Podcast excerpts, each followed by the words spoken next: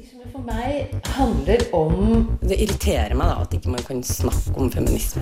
likeverdighet mellom kjønnene.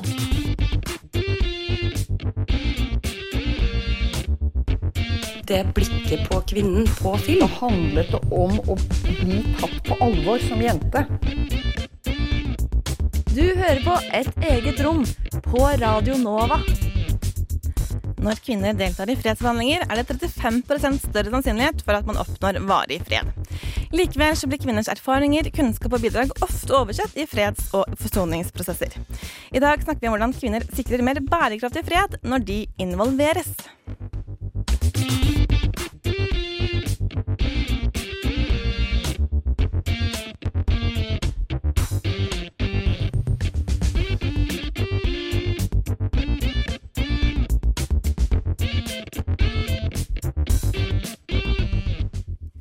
Velkommen til en helt ny episode av Et eget rom her på Radio Nova. Hei til deg som eh, hører på. Hei til deg, Robin Frøyen, som sitter her sammen med meg. Hei. Med meg. Hei til deg òg. Eh, og til tekniker Magnus Tune. Mitt navn er Linda Rosenberg. Og i dag så innleder vi en rekke sendinger under falen 'Kvinner i krig og konflikt'. Et lite som beskjedent tema. Ja, eh, og Ganske snart så får vi besøk fra Fokus Kvinner, som bl.a. jobber med kvinner, fred og sikkerhet. Eh, og disse tre ordene eh, det blir på en måte overskriften eh, for dagens sending, eller episode. Men før vi får besøk inn i studio, så må vi liksom lage Vi må liksom fortelle litt mer om denne overskriften. Og i 2018 så skrev statsviter Stine Rønnes en kommentar med tittelen 'Det blir ingen fred uten kvinner'. Ja. Det er jo interessant, men likevel så sant. Altså ja, jeg tenker vi kommer litt tilbake på det senere i sendingen også, men hun er jo ikke den første som sier det. Nei. Og blir neppe den siste heller. Ikke sant? Så det er et veldig viktig tema å ta opp, syns jeg i hvert fall. Og uh, fint å liksom få den kombinasjonen kvinner, fred og sikkerhet. For jeg føler at sikkerhetsordet blir en sånn Det er det som blir litt ekstra viktig, og som man kanskje fort kan glemme. Jeg tror nok mange tenker litt sånn at når man har fått fred, så er alt bra. Og så glemmer man at nei, det er jo ikke nødvendigvis sikkerhet for folk flest, selv om det ikke er krig. Altså, det er jo uenigheter og roligheter fremdeles. Ja, nei, fred eh, i den forstand er jo et vanskelig begrep, egentlig. Hva er, hva er fred? Men det er et eh, 20-årsjubileum i år, fordi i 2000 så kom FNs sikkerhetsråd med en resolusjon som stadfestet at kvinner skal involveres i fredsprosesser og fredsarbeid. Resolusjon 1325. Yes. Den kommer vi sikkert til å nevne flere ganger på den neste timen. Og den her er jo juridisk bindende, så det her må man faktisk jobbe med. Og så er det jo mange, man, mye man kan si om, eh, om man faktisk gjør det. Men det er altså mellom 1992 og 2011 så var det bare 4% av de som satte sin signatur på en fredsavtale, som var kvinner. Og kun 10% av deltakerne i forhandlingsdelegasjoner var kvinner. Og så har det blitt bedre etter det igjen, men uh, Jeg tror de siste tallene var 2015, så var det 27 ja. Men det er jo fortsatt da en fjerdedel når målet er halvparten. ja, bør jo være halvparten, og kvinner er halvparten av befolkningen i verden. Så vi har et lite stykke å gå, da. Vi har et stykke å gå. Men er vi da klare til å liksom kaste oss ut i det her med, med dagens første gjest? Og liksom få brikkene til å falle litt sånn på plass? Ja, Bare Ja. Med, med hodet først en mandags formiddag. ja, da kaster vi oss eh, ut i det med å hente inn eh, vår første gjest. Du Du hø hø hører på. på Radio Nova.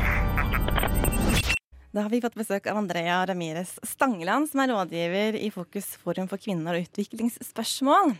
Takk. Velkommen til deg.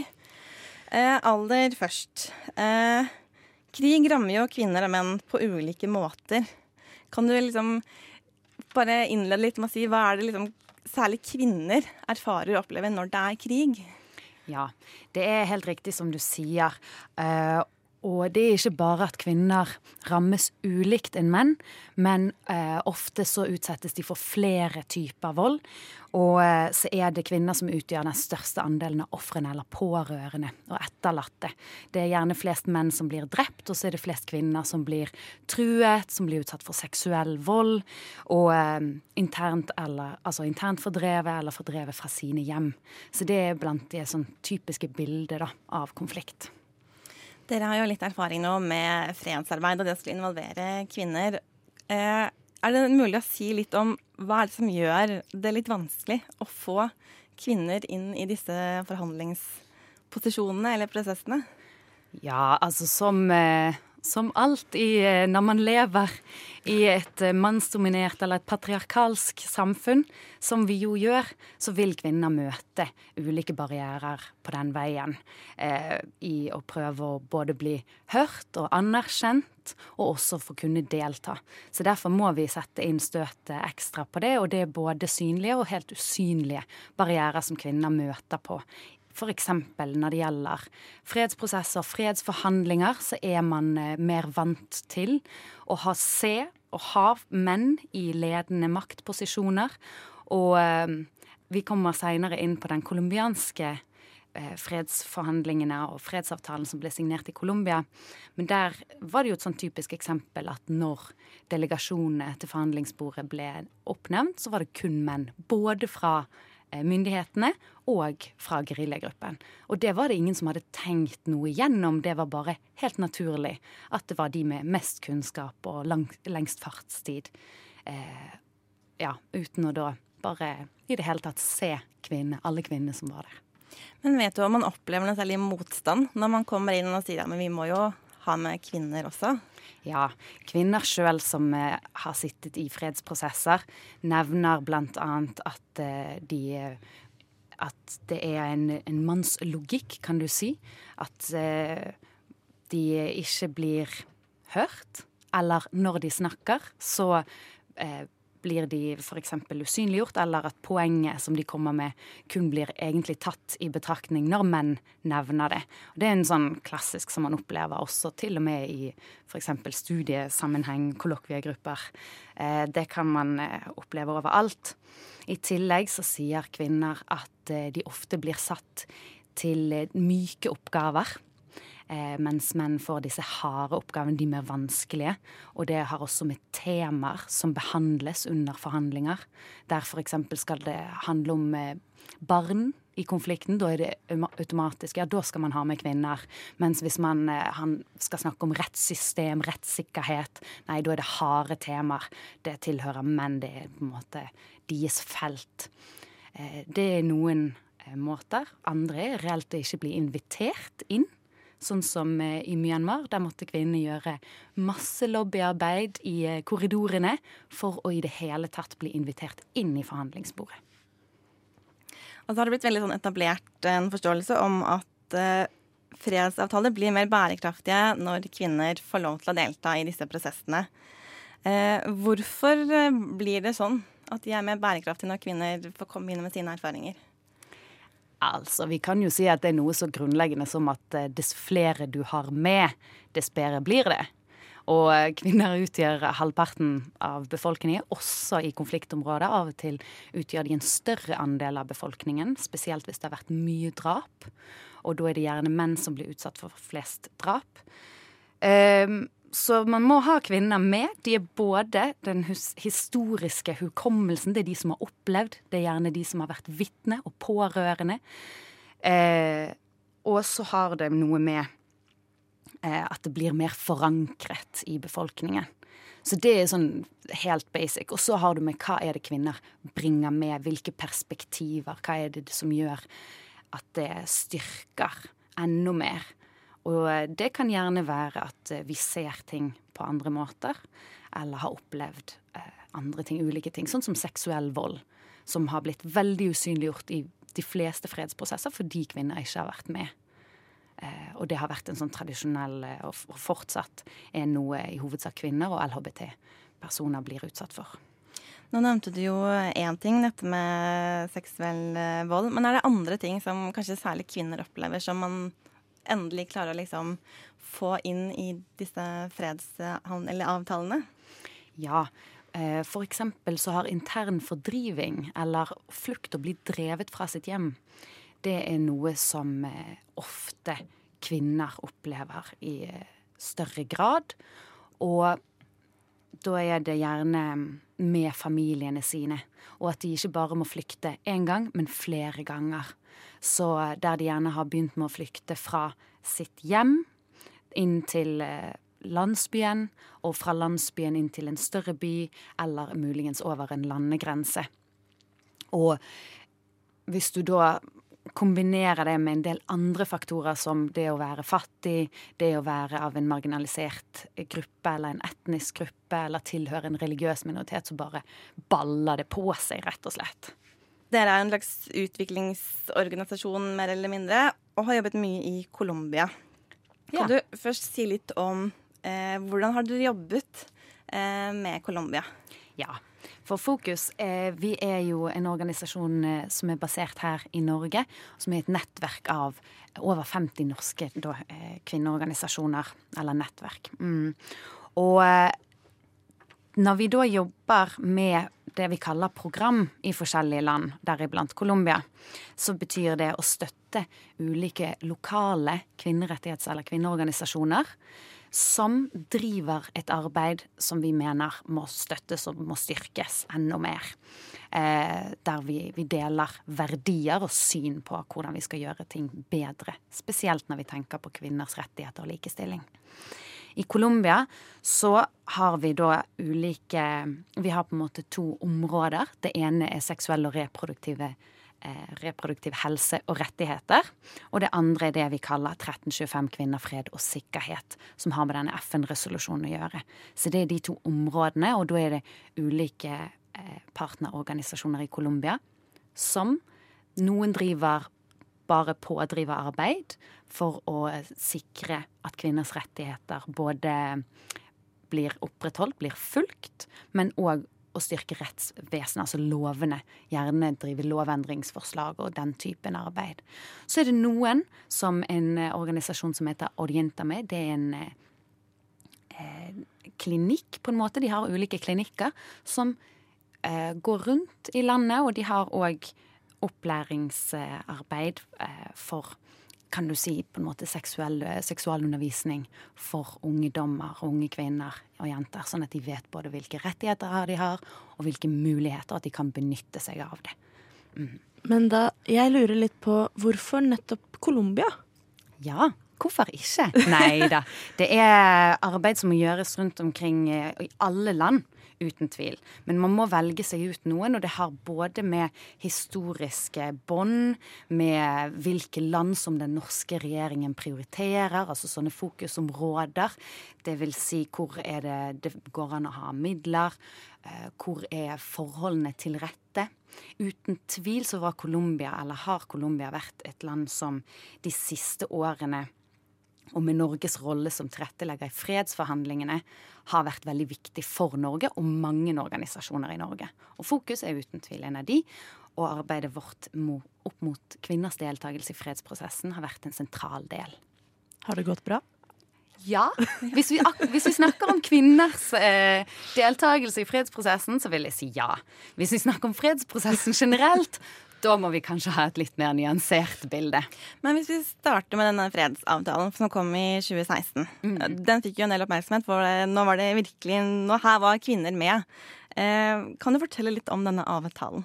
Ja, fordi det var eh, en toårsperiode med det man kaller eh, hemmelige forhandlinger. Og så i 2012 så ble det kunngjort offentlig her i Norge, i Oslo, at den colombianske staten og den venstreradikale FARC-geriljaen skulle inngå fredsforhandlinger på Cuba.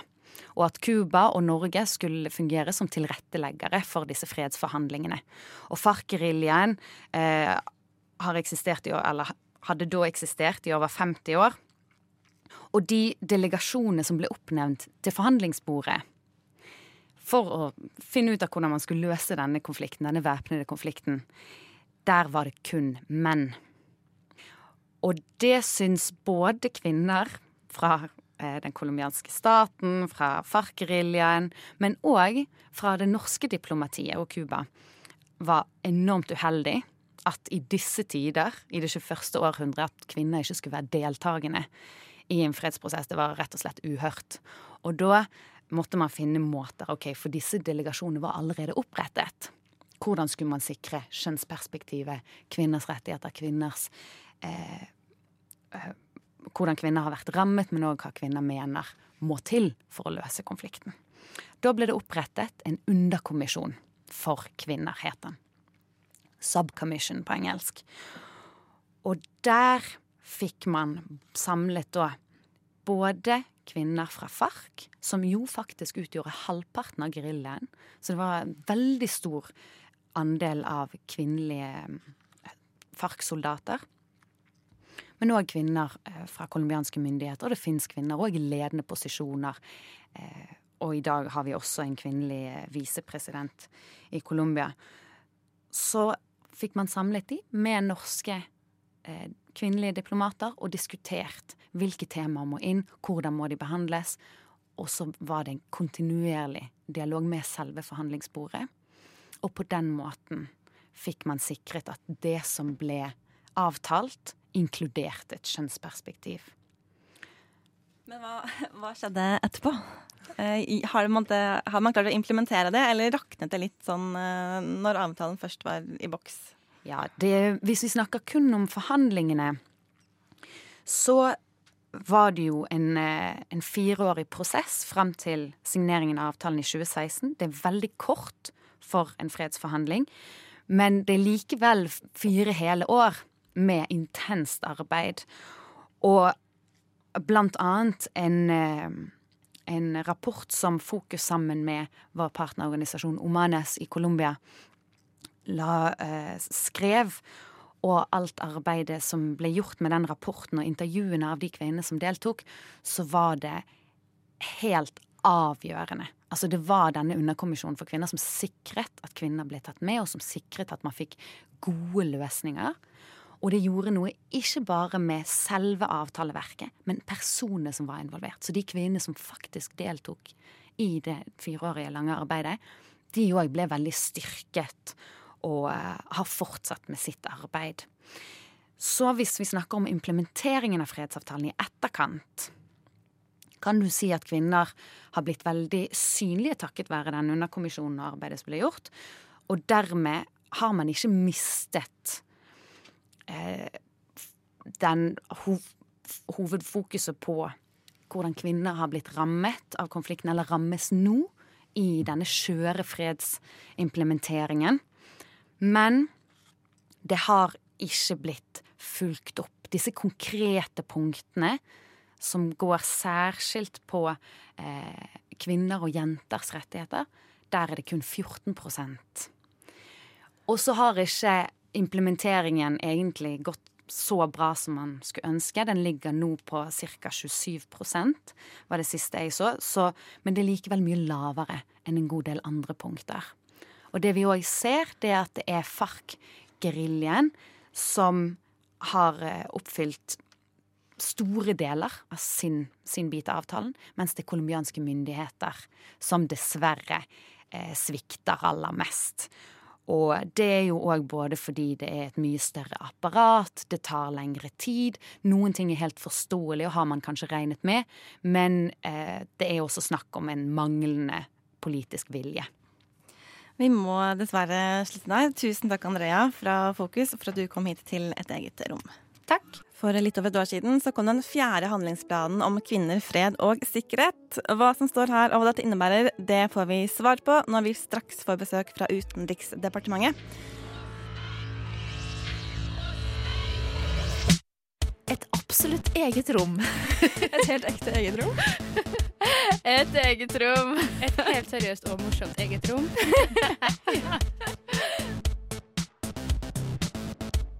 Et eget rom, Radio Novas feministiske program. I fjor lanserte regjeringen den fjerde handlingsplanen om kvinner, fred og sikkerhet.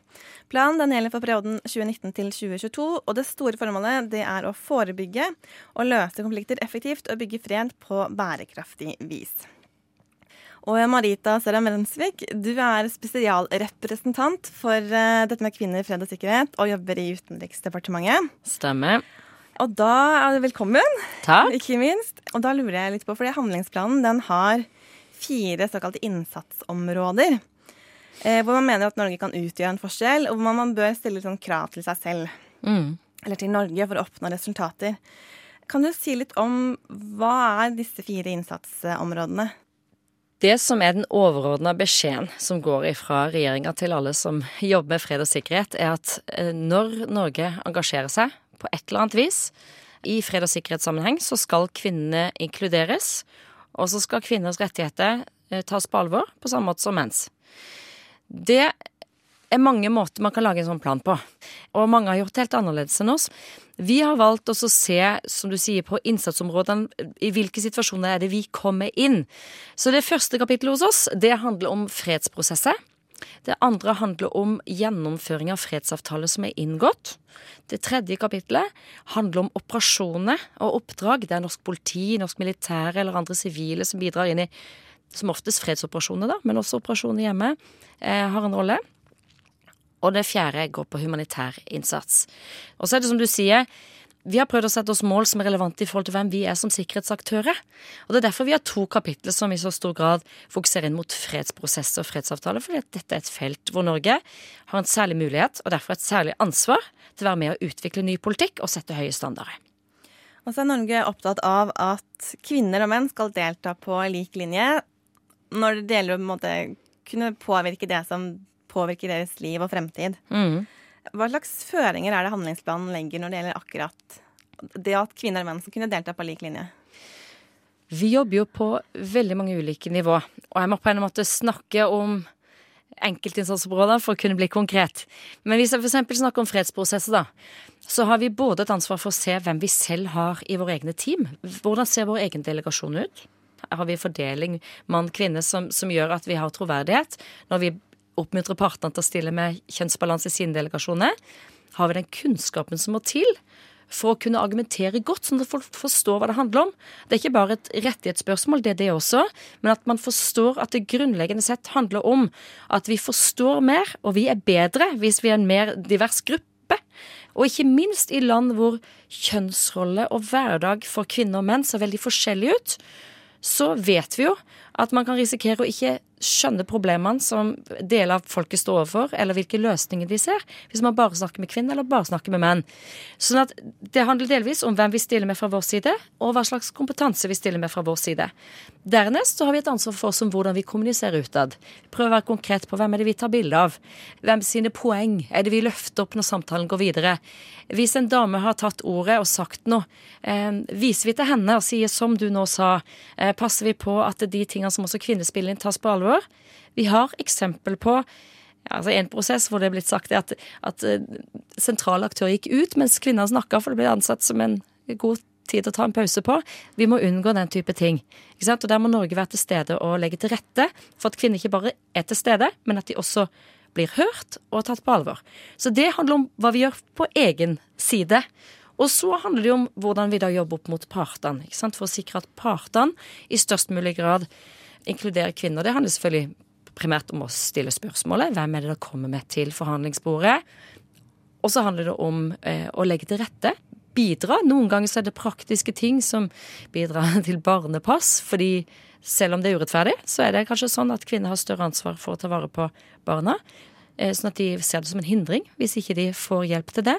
Det kan hende at vi skal gjøre en ekstra jobb i forhold til å hjelpe til med visum og andre ting, sånn at vi legger til rette for at det skal være mulig å få til.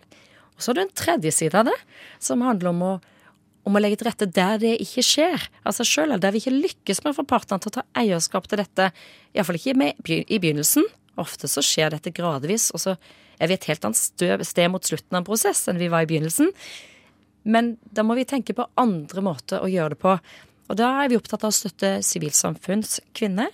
Bidra til at kvinner kan samle seg og utmeisle budskap. Jobbe med ulike modeller som gjør at disse stemmene høres inn i forhandlinger.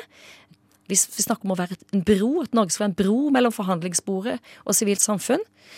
Og du kan si, på sett og vis, selv om man lykkes med å få kvinner inn i partenes delegasjoner, så trenger man også stemmer fra kvinner i sivilsamfunn. Man har ikke løst på en måte sivilsamfunns eh, manglende stemme inn i en fredsprosess bare ved at man får inn en kvinnelig parlamentariker eller en kvinnelig soldat eller opprørsleder. Eh, vi trenger sivilsamfunnsstemmen også. Så det er både rydde, på en måte feie for egen dør, eh, jobbe opp mot partene, jobbe opp mot andre eh, kvinner og sivilsamfunn som bør høres. Og så gjennom det hele også jobbe normativt inn mot FN, regionale organisasjoner og andre, sånn at de har gode ordninger, gode rutiner, og at de selv jobber med disse spørsmålene.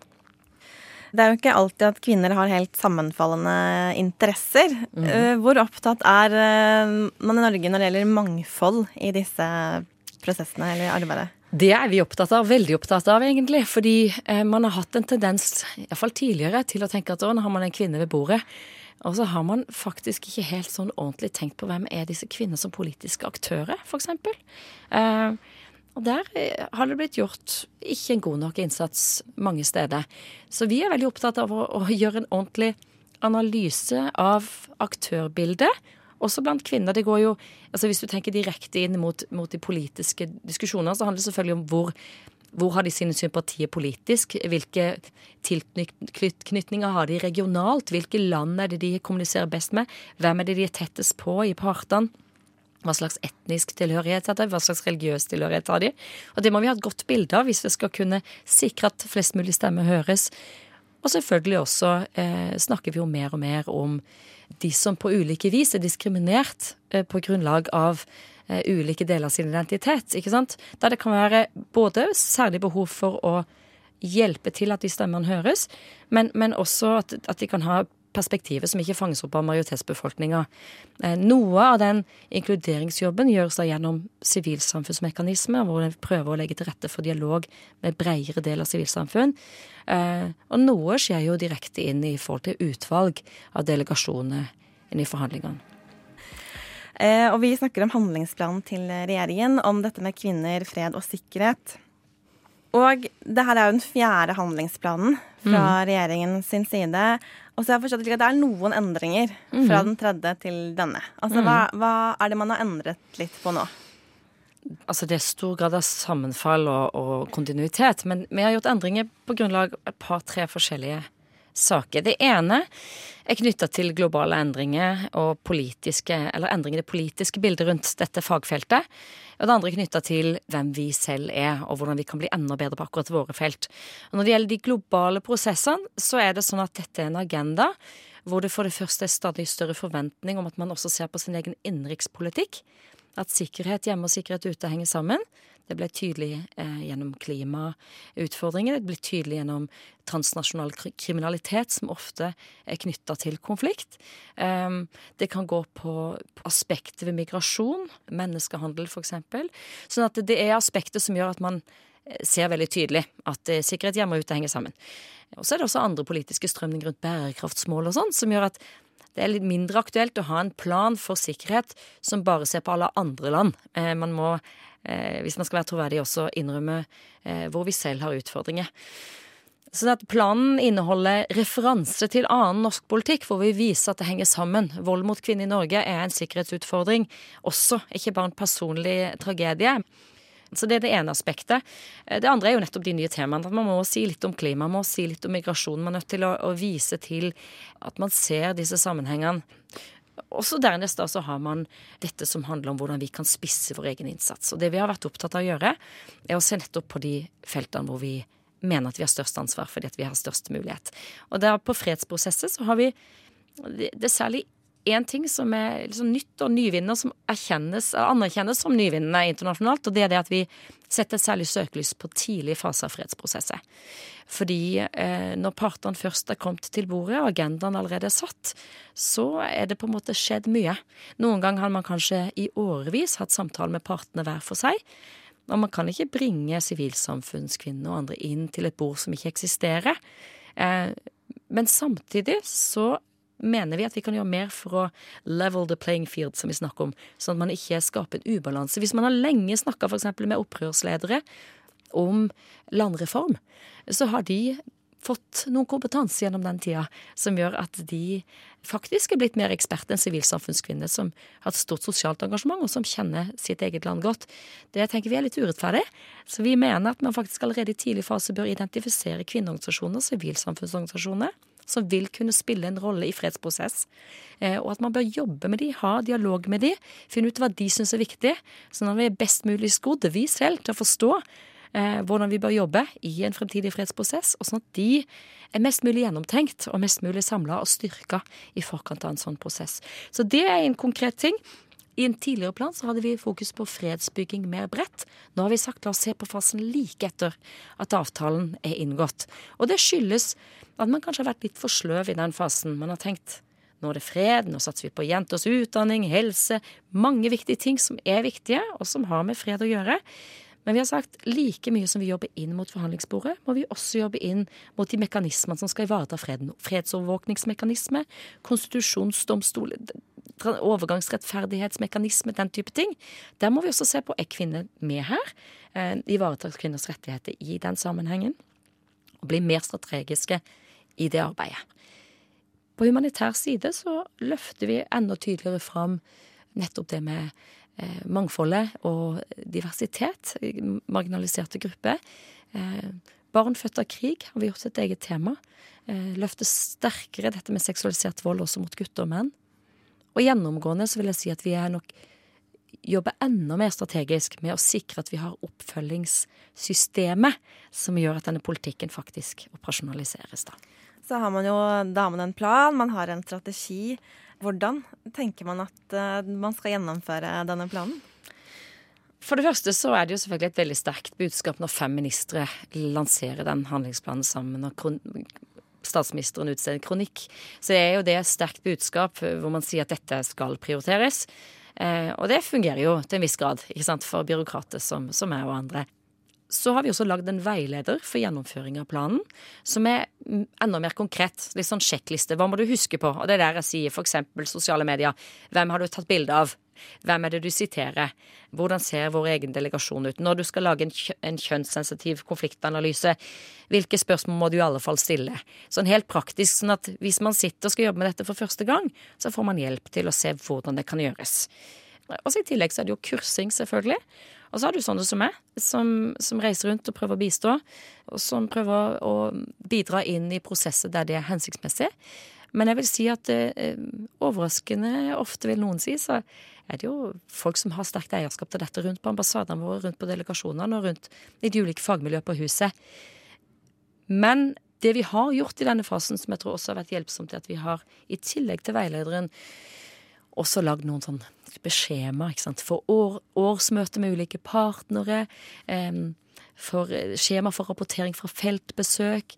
Alle sånne ting som må hjelpe oss til å holde fokus på disse tingene når vi skal gå ut og se hva som skjer i felt, og når vi skal sende politiske budskap fra vårt departement ut til våre partnere. Nå begynner tiden å løpe litt ras, men jeg vil, vil gjerne om du kort kan si litt om hvilke innsats- eller satsingsland mm. eh, man er liksom opptatt av i denne planen. For det er noen land som er nevnt spesifikt. Det er helt riktig. Vi har ti satsingsland nå. Det tiende ble lagt til like før jul. Eh, men det er Afghanistan, Colombia, Myanmar, Nigeria, Palestina og Sør-Sudan fra forrige fase som videreføres. Og så har vi lagt til Mali, Filippinene, Syria og nå også Mosambik. Altså I de ti landene så forplikter vi oss på en måte til å jobbe ekstra godt og strategisk og litt mer langsiktig. Vi lager ambassadeplaner for arbeidet. Vi rapporterer litt mer systematisk. Vi har årlige samlinger med alle de som sitter og gjør jobben ute. Men når det er sagt, så er jo dette et fokus alle steder hvor vi er involvert i fred- og sikkerhetssammenheng. Eh, så der Norge får en mulighet til å gjøre en forskjell, da gjør vi det. Og vi er jo inne med prosjektmidler for eksempel, i veldig mange flere land, mer enn dobbelt så mange land. Så det er, det er ikke sånn at det er avgrensa, men det er en slags forpliktelse som gjør ekstra mye i noen av disse landene. Marita Sørem Rensvik, takk for at du kunne komme hit til oss på Radio Nova. Takk for meg. Det handler jo selvfølgelig om likestilling. Men også om frigjøring, tror jeg er litt mer sånn Hvis man skal se litt mer radikalt på det. Du hører på et eh, eget rom.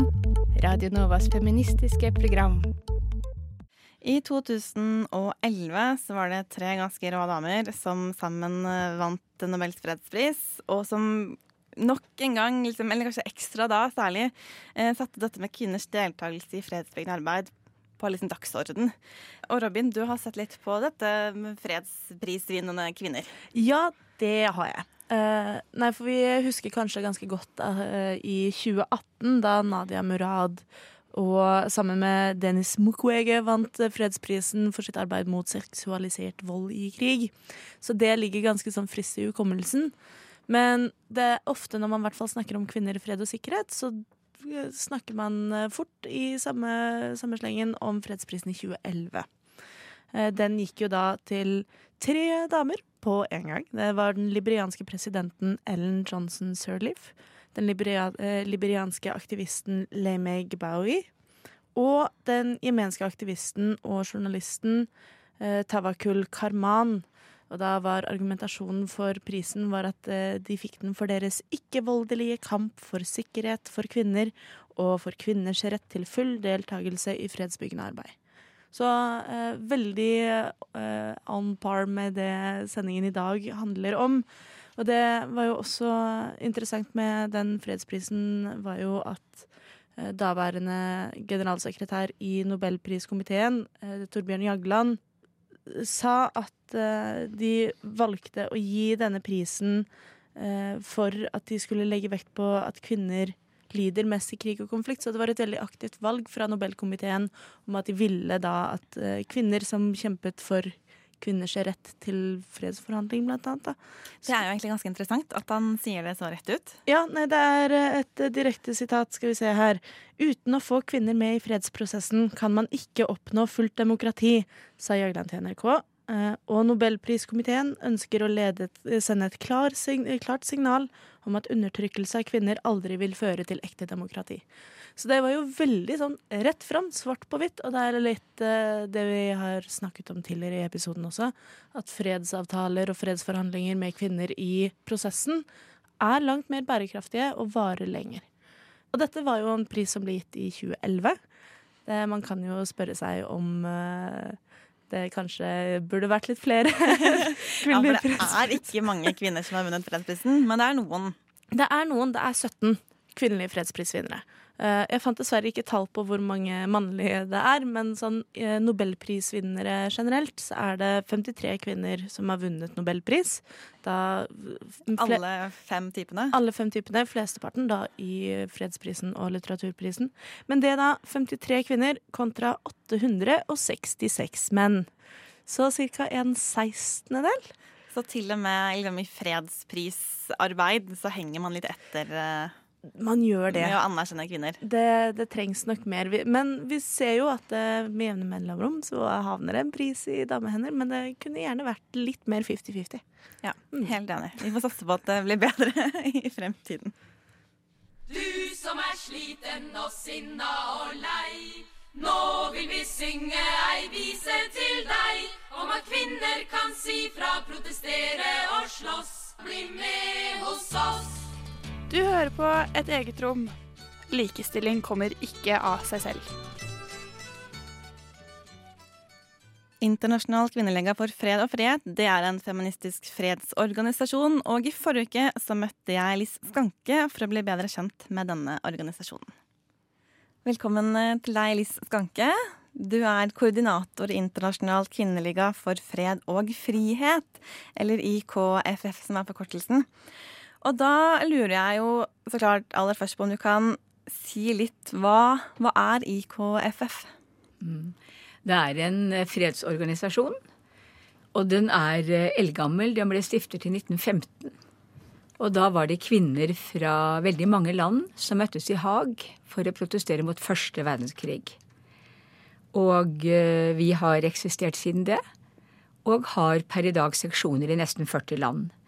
Så det er en organisasjon som er relativt stor nå i Afrika og Latin-Amerika. Eh, I Europa og USA er det relativt eldre medlemmer, og jeg er en av dem. Da den ble stiftet i 1915 på en konferanse, så eh, regner med at det var jo noen sånne krav man hadde. Kan du fortelle litt om hva var det man egentlig ville med å starte en sånn eh, fredsorganisasjon? Jeg tror hovedkravet ligger i, eh, i det som eh, var tittelen på denne norske rapporten fra de første møtene. Og det er 'For en rettferdig og varig fred'. Og jeg syns at det at de koblet dette med at en fred skulle være varig med at den var rettferdig, syns jeg eh, var veldig klokt. Det er jo noe av det vi ser nå med en del av de fredsavtalene som har vist seg å ikke være varige. F.eks. disse avtalene vi har hatt når det gjelder Israel og Palestina. Det er jo en av problemene nettopp at de har ikke vært rettferdige. Og så har dere jo hatt veldig fokus på kvinneperspektivet. Og for 20 år siden så kom jo denne FN-resolusjonen 1325 som handler om kvinner, fred og sikkerhet. Og der var jo IKFF og den internasjonale organisasjonen med å få det her igjennom. Sånn aller først, kan du si litt mer om hvorfor dere så et behov for et slikt fokus også inn i FN-arbeidet? Jeg tror det er to ting. Det ene er jo sånn som du sier, at vi er en kvinneorganisasjon. Eh, Menn kan være medlemmer, men de kan ikke ha verv. Og slik har det vært bestandig i organisasjonen.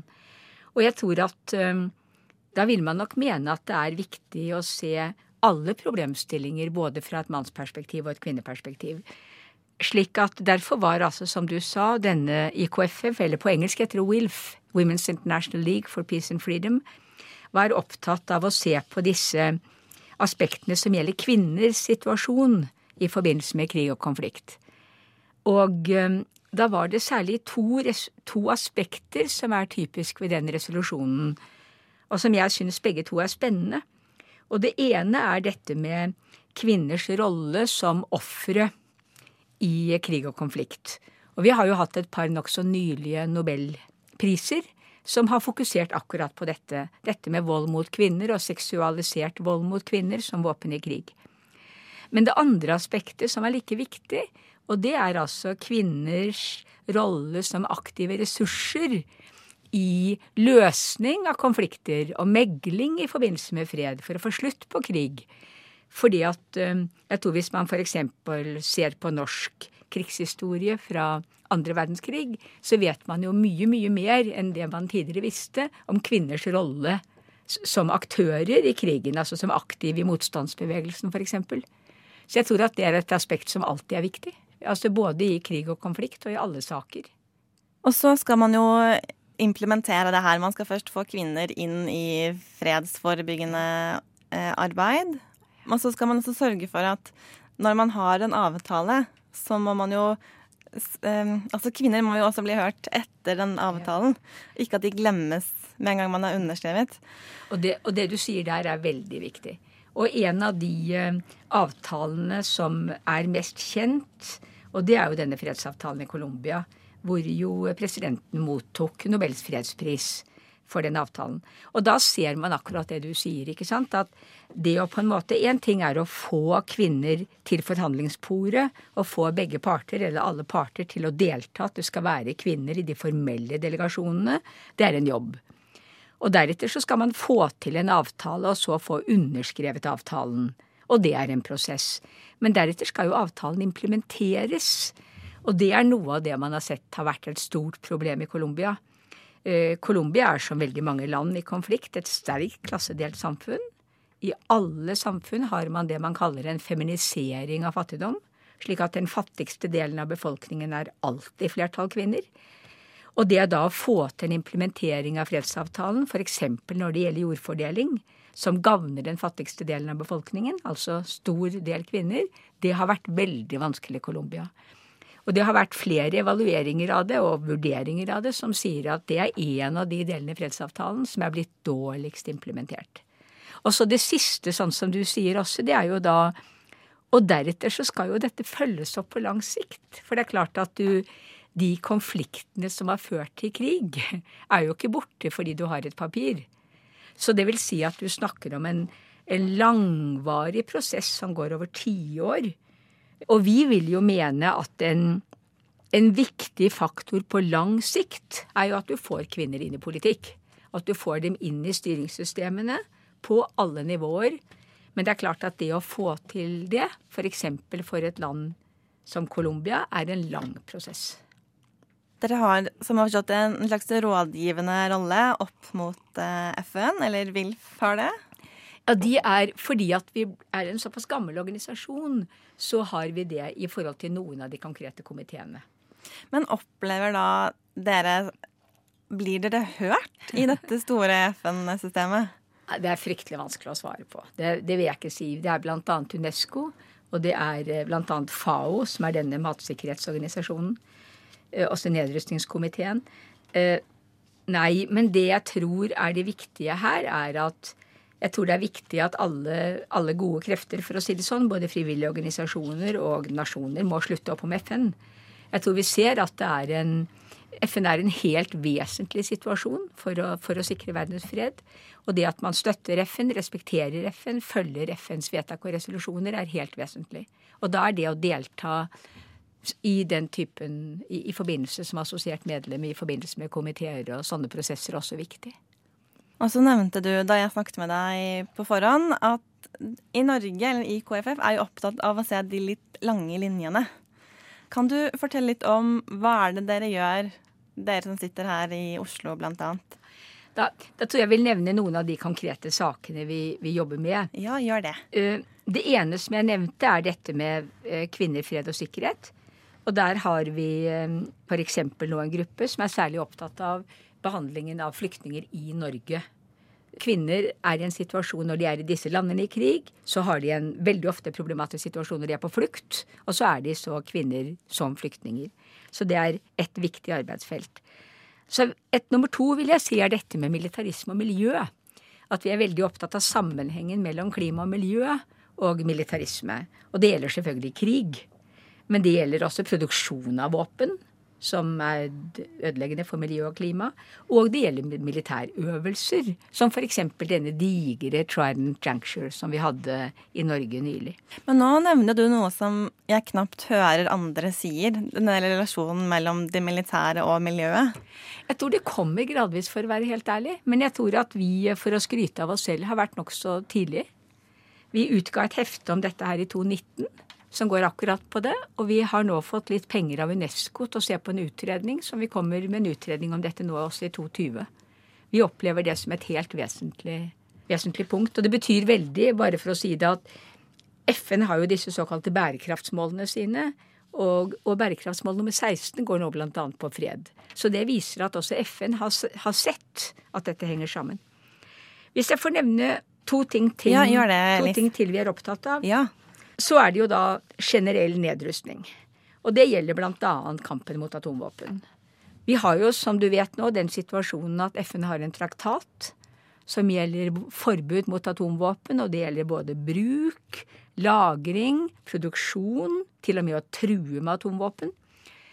Og der er det nå en undertegningskampanje som går blant verdens land.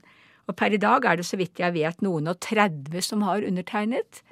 Når den er undertegnet av 50 land, er dette internasjonal lov.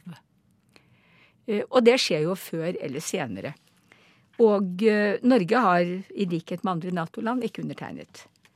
Men eh, det vi har sett på andre type våpenbegrensninger hvor man har hatt sånne traktater, à la landminer, så vil det jo si at det å få på plass en sånn lov, altså at dette faktisk er forbudt, har en betydning.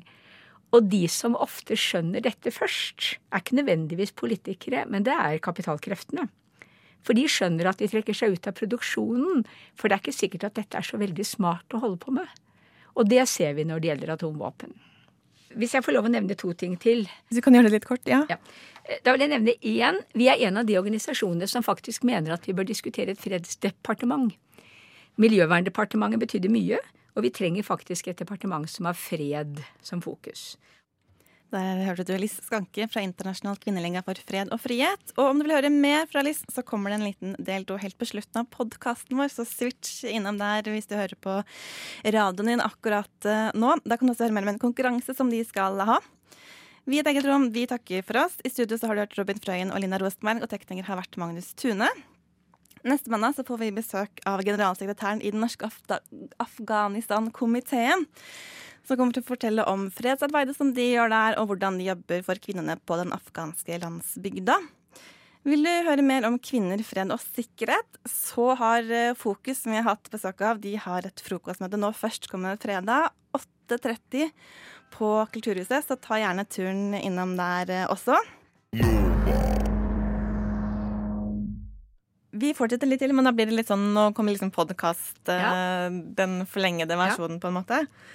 Fordi at i Tradisjonelt så har jo IKFF at altså fredsarbeidet har veid tyngre enn likestillingsperspektivet. Blant annet når man har snakket om likestilling og inkludering i det militære. Altså verneplikt for kvinner, blant annet. Kvinners, kvinnelige soldater.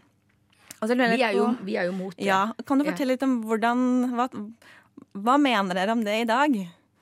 Ja. Nei, altså det er, det er eh, Det har vært en debatt hele tiden. Og eh, så vidt jeg vet, har IKFF og WILF hele tiden vært mot kvinner i det militære. Vi, eh, vi tror ikke at det at det kommer inn en del kvinner, er med på å endre den der grunnleggende logikken med det militære, som altså betyr opprustning, skaping av et fiendebilde, militær virksomhet som da per definisjon dreper. Eh, Vi tror ikke at det har noen som helst betydning for de som mistet familie i Afghanistan eller Libya, om de får vite at det satt kvinnelige bombeflyber ved spakene. Jeg kan ikke tenke meg at det interesserer dem. Og jeg tror ikke at kvinner, kvinnelige soldater i de rollene de da tvinges inn i som soldater, kan være med på å endre denne logikken ved krig. Og så foregår jo det fremdeles både fredsmarsjer og fredsdemonstrasjoner og det ene og det andre globalt sett. Men det er jo noe man sjelden leser om. Kan du fortelle litt om hvordan dere liksom opplever det å skulle nå ut eh, til mediene når ting skjer? Altså, jeg tror at eh, Jeg innbiller meg at det er bitte lite grann det samme med kvinnebevegelsen, for å være, for å være helt ærlig. Jeg ville tro at det er medie, en del av media som ikke syns at det er så veldig sexy. Så jeg vil ikke tro at det alltid er like lett å komme fram med feministiske budskap heller. Men når det gjelder fredsbevegelsen, så tror jeg at det absolutt er vanskelig. Og det er en logikk der som for meg er helt umulig å forstå. Og det er altså at eh, de mennesker som er for krig og opprustning og militarisme, de er rasjonelle og kloke og veloverveid. Mens eh, vi som er for fred, vi er egentlig litt hysteriske, ikke sant, og, og lar oss lede av følelsene. Eh, slik at det er vanskelig generelt å få dekning. Det er klart at eh, Forsvaret og Nato bruker en uendelighet av midler. Fredsbevegelsen får nå i UDs budsjett for 2020 sannsynligvis 5,5 millioner kroner da, totalt. Jeg vet ikke hva, den, hva Forsvaret, Nato og Forsvarsdepartementet har hatt til rådighet, men jeg ville tippe at det er det jeg ville tippe at du må gange dem i hvert fall to eller tre nuller. Ja, ikke sant? Så jeg tror at her er det noe hvilken styrke du har til å operere.